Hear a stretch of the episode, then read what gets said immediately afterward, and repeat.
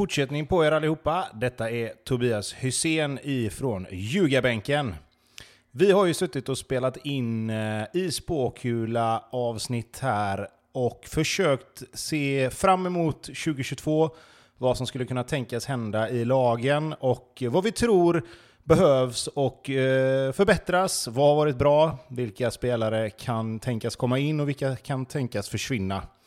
Och mitt i allt detta så händer givetvis väldigt, väldigt mycket både innan, under tiden och efter vi spelar in de här avsnitten. Så att är det någonting som låter lite konstigt, som kanske redan har hänt eller som eh, överhuvudtaget inte har någon som helst relevans längre, så kan det vara att avsnitten är inspelade precis innan detta hände. Bara så ni vet. Jag hoppas att ni eh, får en trevlig lyssning på just det här avsnittet och god jul och gott nytt år på er.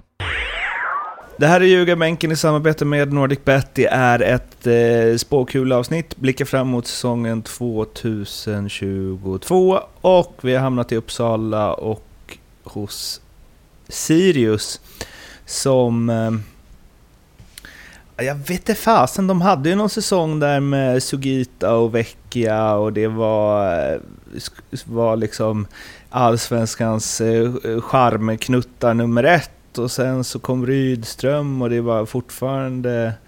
Eller sen kom Rydström, men Rydström spädde väl på det där och det blev roligt eh, ett år till, men lite tuffare. Och nu känns det som det är många spelare som eh, eh, antingen lämnar eller ryktas bort. Och det här är bara en känsla liksom, men Sirius känns inte som samma spännande poppiga lag som de har gjort de senaste två säsongerna. Med det sagt så är det ju mycket möjligt att det bara händer ändå för att eh, det kändes ju inte så innan de säsongerna heller. Eh, men det ser lite tunt ut nu, tycker jag.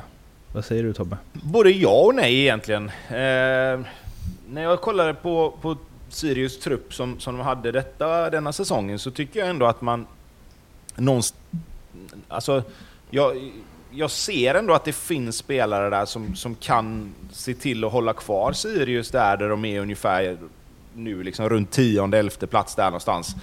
Eh, Kouakou kanske inte gör en lika bra säsong igen, det vet man ju inte. Eh, med tanke på att den här säsongen han gjorde var undantaget, som någonstans var, om man tittar på hur hans tidigare säsonger har varit. Han kanske eh, inte ens gör den i Sirius. Nej, precis. Exakt. Eh, men, men oavsett, liksom, vi, får ju, vi får utgå ifrån att de spelarna som är där mm. precis nu, nu då när vi spelar in detta, ändå någonstans är kvar. Eh, de fick in Syrusufaj som gjorde det jättebra. Mm. Eh, de har ändå spelare som Sugita är ju ett sparkapital. Noll mål och noll assist. Varit skadad mer eller mindre hela året, fram och tillbaka. Så där finns ju också en spelare som, som kan studsa tillbaka, eller vad man ska säga, och, och, hitta någon sorts form om han får en försäsong och kunna bygga upp sig lite grann.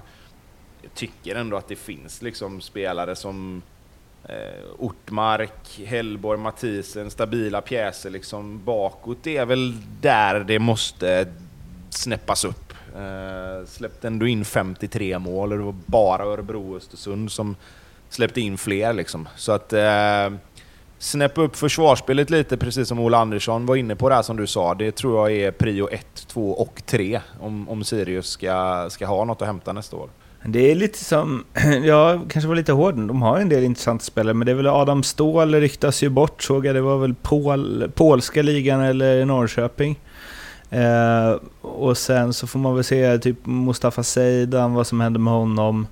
Eh, Kouakou, det är väl mer det, att det är en del som är osäkert här och där. Sen så en grej jag tänkte på när jag scrollade igenom deras eh, trupp, alltså Jakob Ortmark.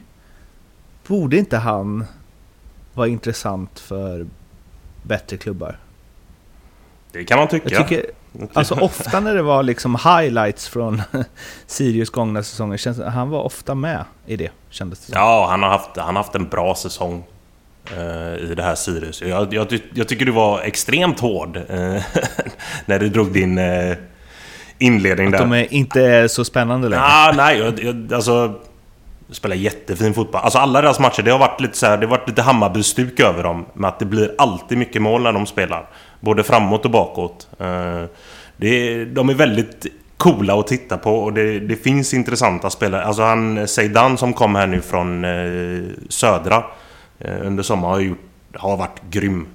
Han är ju sjukt intressant. Han och Ortmark har ju varit jäkligt roliga att titta på. Sylisify längs, eller eh, där uppe tillsammans med Kouakou.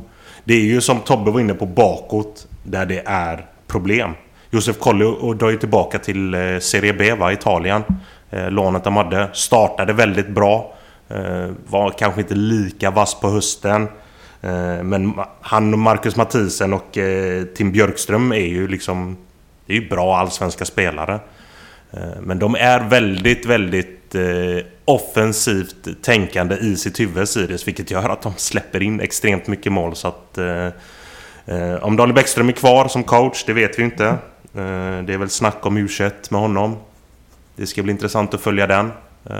Då behöver de få in en ny tränare och där är det ju att man behöver styra upp bakåt. De behöver hämta in fler defensiva spelare. Speciellt nu när, eh, om de inte får loss Colli igen på ett lån eller om man köper loss honom från eh, Italien. Eh, tränaren Bäckström ryktas till u landslaget Hur mycket... Mm, eller det är ju det är inte toppen kanske, att eh, tappa sin tränare i januari om det nu skulle ske.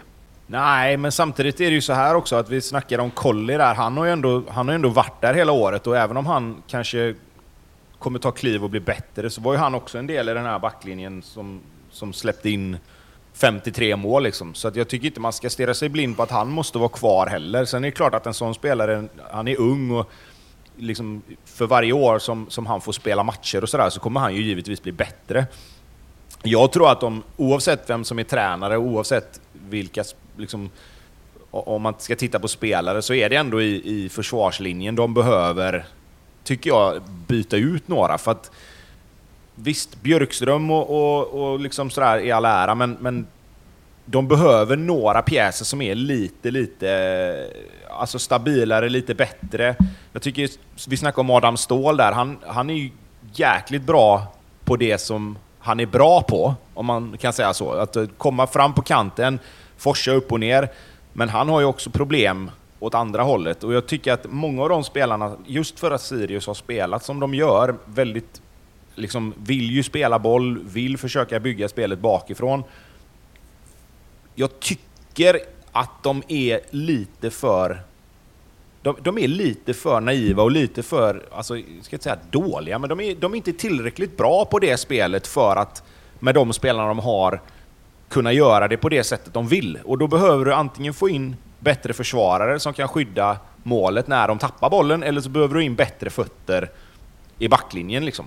Nej, så att det, det, måste, det måste till en liten förändring där, antingen i tänket kring upp, upp, alltså uppbyggnadsfasen, eller kring vilka spelare de ska spela med. För släpper de in 53 mål igen så, så klarar de sig inte kvar tror jag.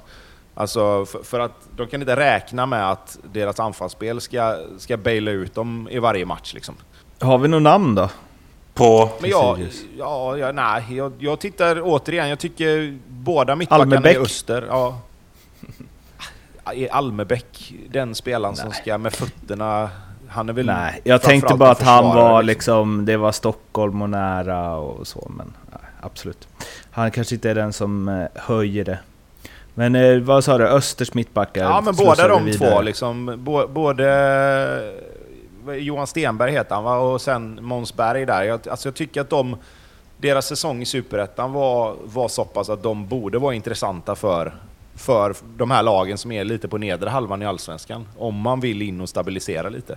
Eh, de har också gjort en målvaktsvärvning, det gjorde de ju i somras, August Alin från eh, Djurgården som jag bara måste, om ni sitter framför datorn eller mobilen, ja ni lär ju göra det ena av det om ni lyssnar på det här. Eh, kan ni surfa in på deras spelartrupp?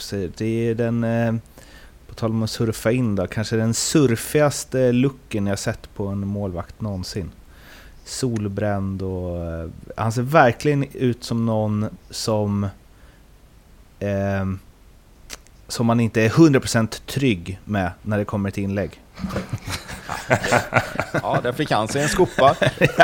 Men han är säkert grym. Han ser ut som en eh, härlig person i alla fall. Men jag bara, Eh, på tal om det ja. lite där. Jag, jag tänkte på det när... när eh, Surfande målvakter? nej, men jag tänkte på det när jag såg, när, man gick, när jag gick in och kollade på deras trupp. De har ju ändå tre målvakter som väl alla någonstans tycker att de ska spela, eller?